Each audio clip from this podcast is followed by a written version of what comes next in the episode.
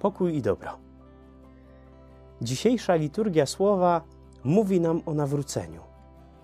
Jak w pierwszym czytaniu y, słyszeliśmy, czy usłyszymy y, o nawróceniu Niniwy, tak podobnie w Ewangelii słyszymy pierwsze słowa Jezusa w jego publicznej działalności. Bliskie już jest Królestwo Boże. Nawracajcie się i wierzcie w Ewangelię. Co znaczy wierzyć w Ewangelię? Wierzyć w Ewangelię to znaczy patrzeć na naszego Mistrza, na Jezusa Chrystusa i słuchać Jego słów, słuchać tego, co On nas uczy.